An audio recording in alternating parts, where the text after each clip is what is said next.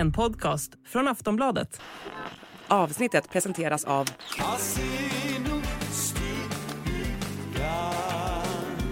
Stödlinjen.se, åldersgräns 18 år. Hej och välkommen till Kungligt. Jag heter Sara Eriksson. Och jag heter Jenny Alexandersson. Idag så ska vi svara på era lyssnarfrågor, bland annat om vad som händer med alla presenter som kungligheterna får och vad heter egentligen prinsessan Leonor i efternamn?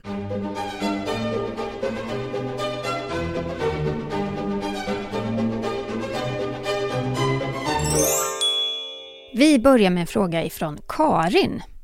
Jag funderar över Pavlos titel. Kallas han fortfarande kronprins efter sin pappas död?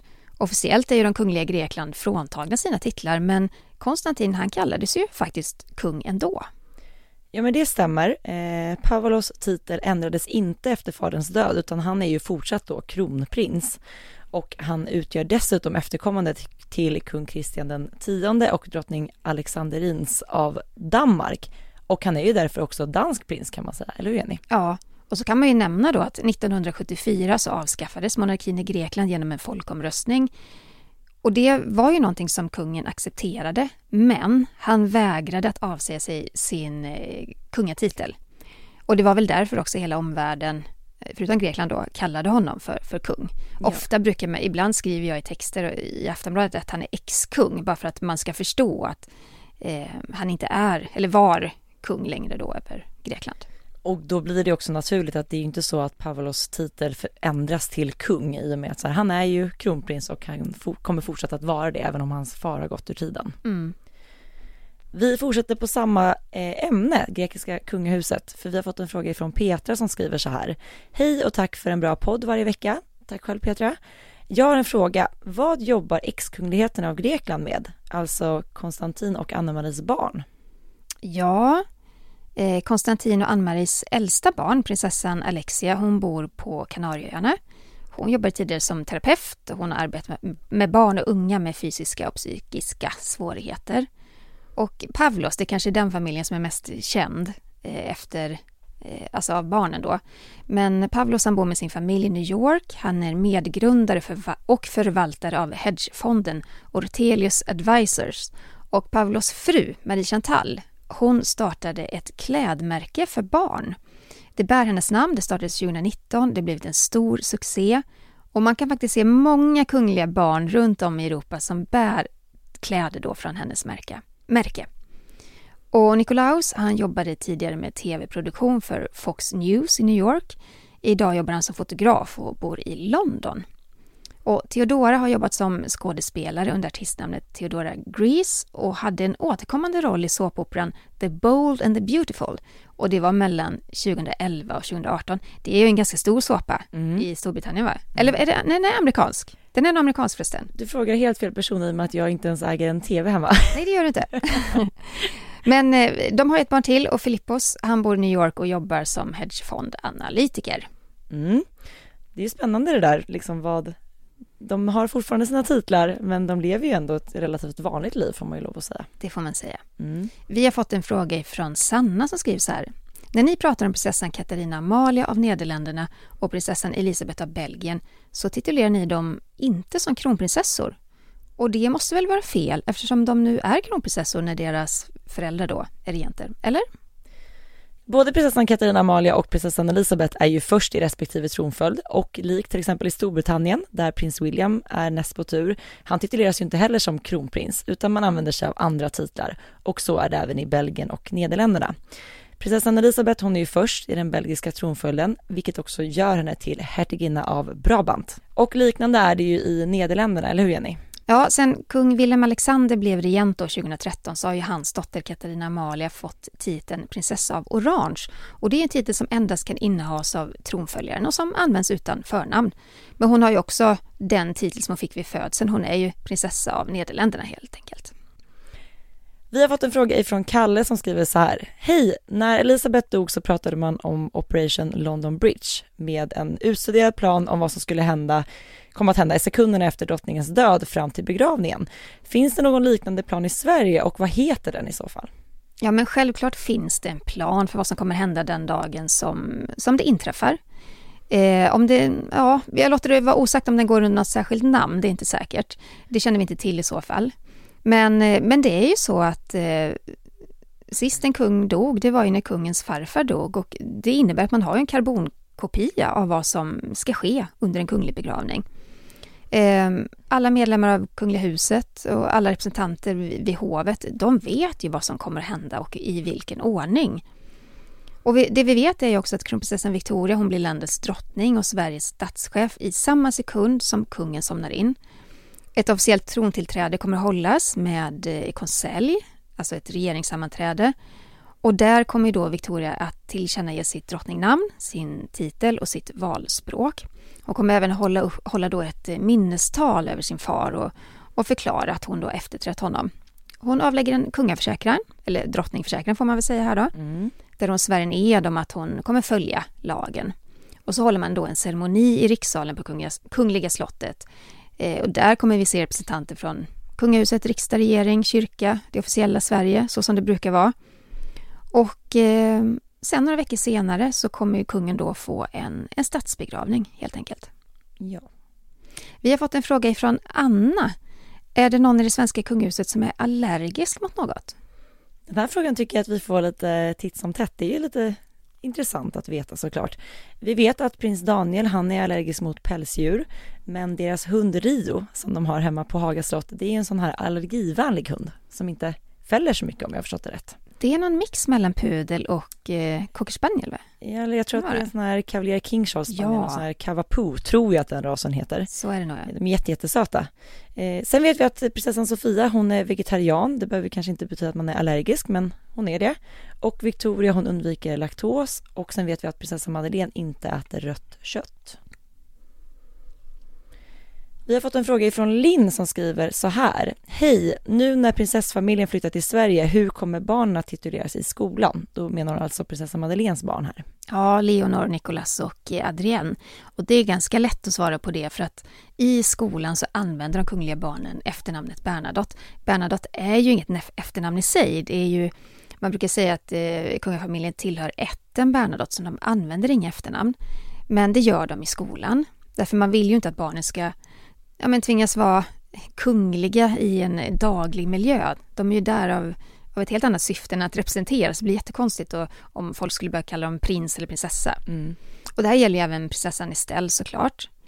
Men det blev mycket skriverier om prinsessan Leonor när hon föddes eh, och just om hennes efternamn i samband med dopet. I hennes första pass så står Leonors efternamn som Bernadotte O'Neill och det väckte reaktioner för sedan 1982 så kan man inte ha dubbla efternamn enligt svensk lag. Och i så fall så skulle det betyda att Bernadotte anses vara ett eh, mellannamn. Men i och med att kungliga folkbokförs utan efternamn så är det enbart då i passet som de här båda namnen står helt enkelt. Mm. Och det är klart att det kan ju underlätta, särskilt för de här barnen som har rest så pass mycket och pendlat mellan Sverige och London och USA. Eh, men det där var ju en väldigt spännande del, just att Bernadotte hamnade då som ett mellannamn i prinsessans pass.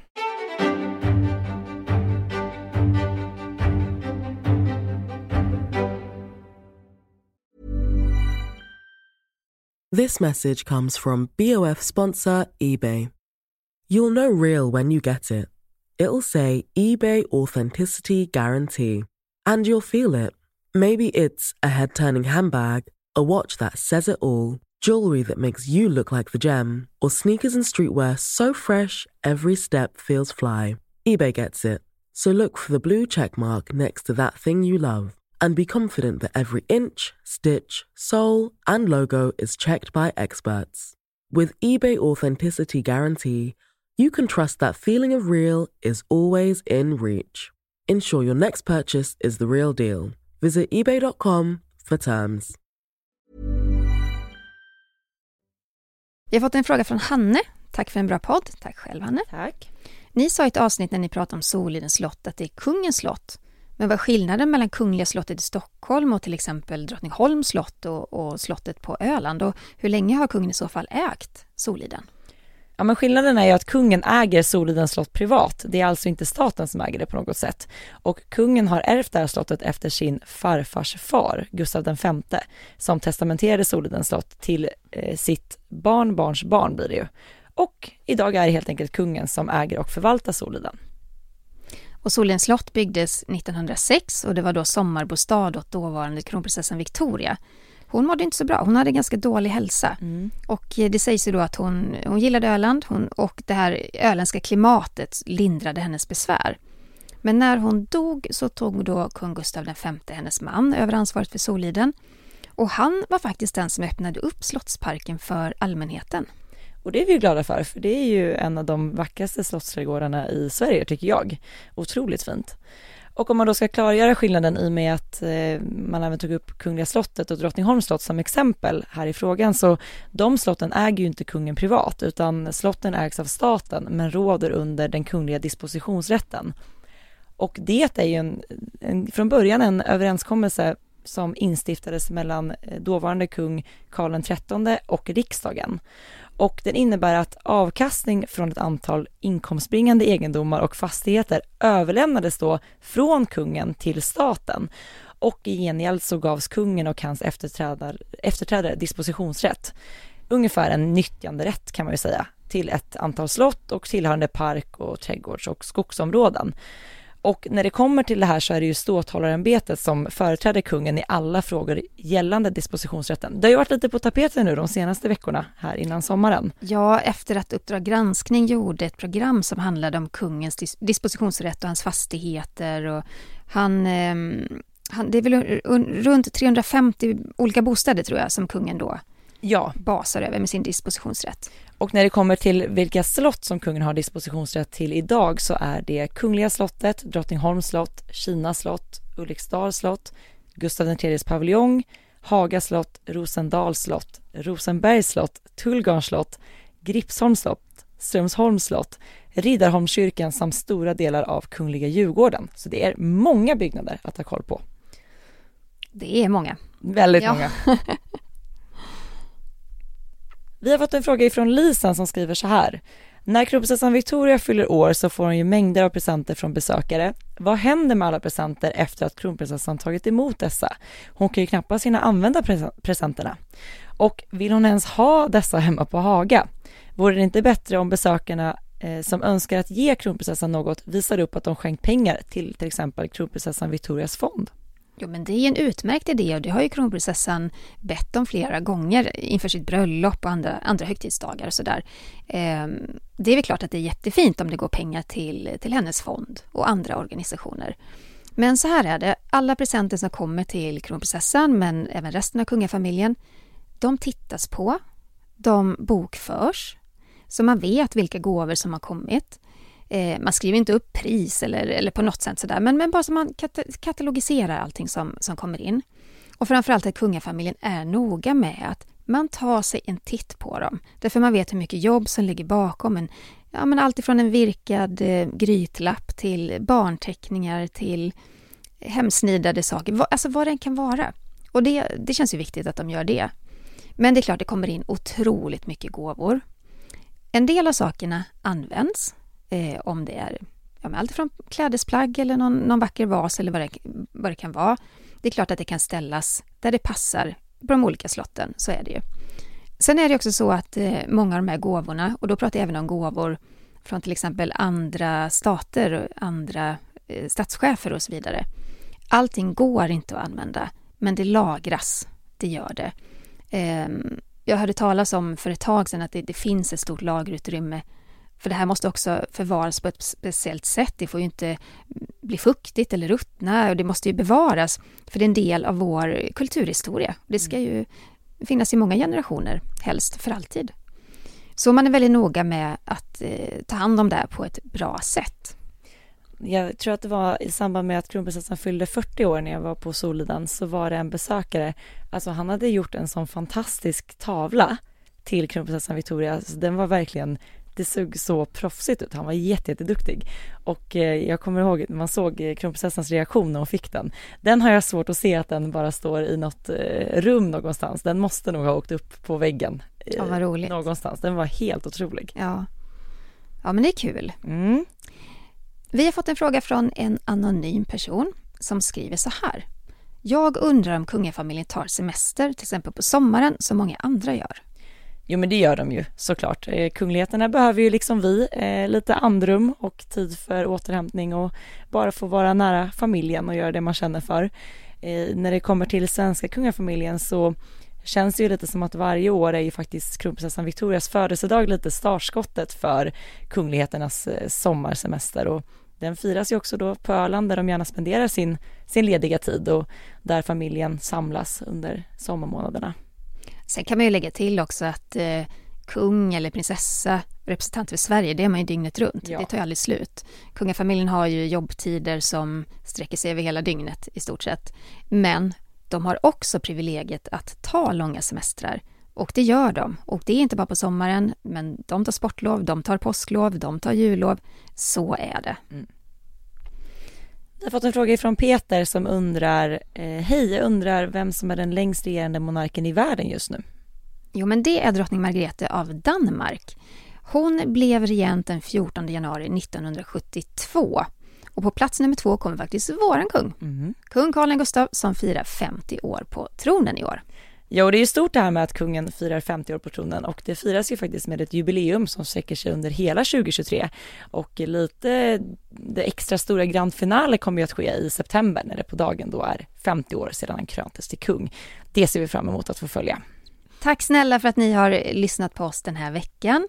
Vill ni skicka in frågor så gör det till kungligt eller skriv till oss på Instagram. Var finns, vad heter du på Instagram? Man hittar mig på royalistan.se och var hittar man dig? Instagram, kungligt med Jenny heter jag där. Och vi ska också säga det att det här avsnittet spelades in den 14 juni och vi kommer att komma med fler frågeavsnitt under sommaren. Ha det bra, hej då! Hej då!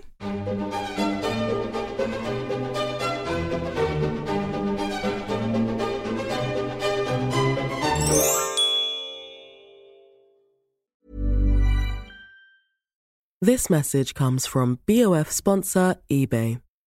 You'll know real when you get it.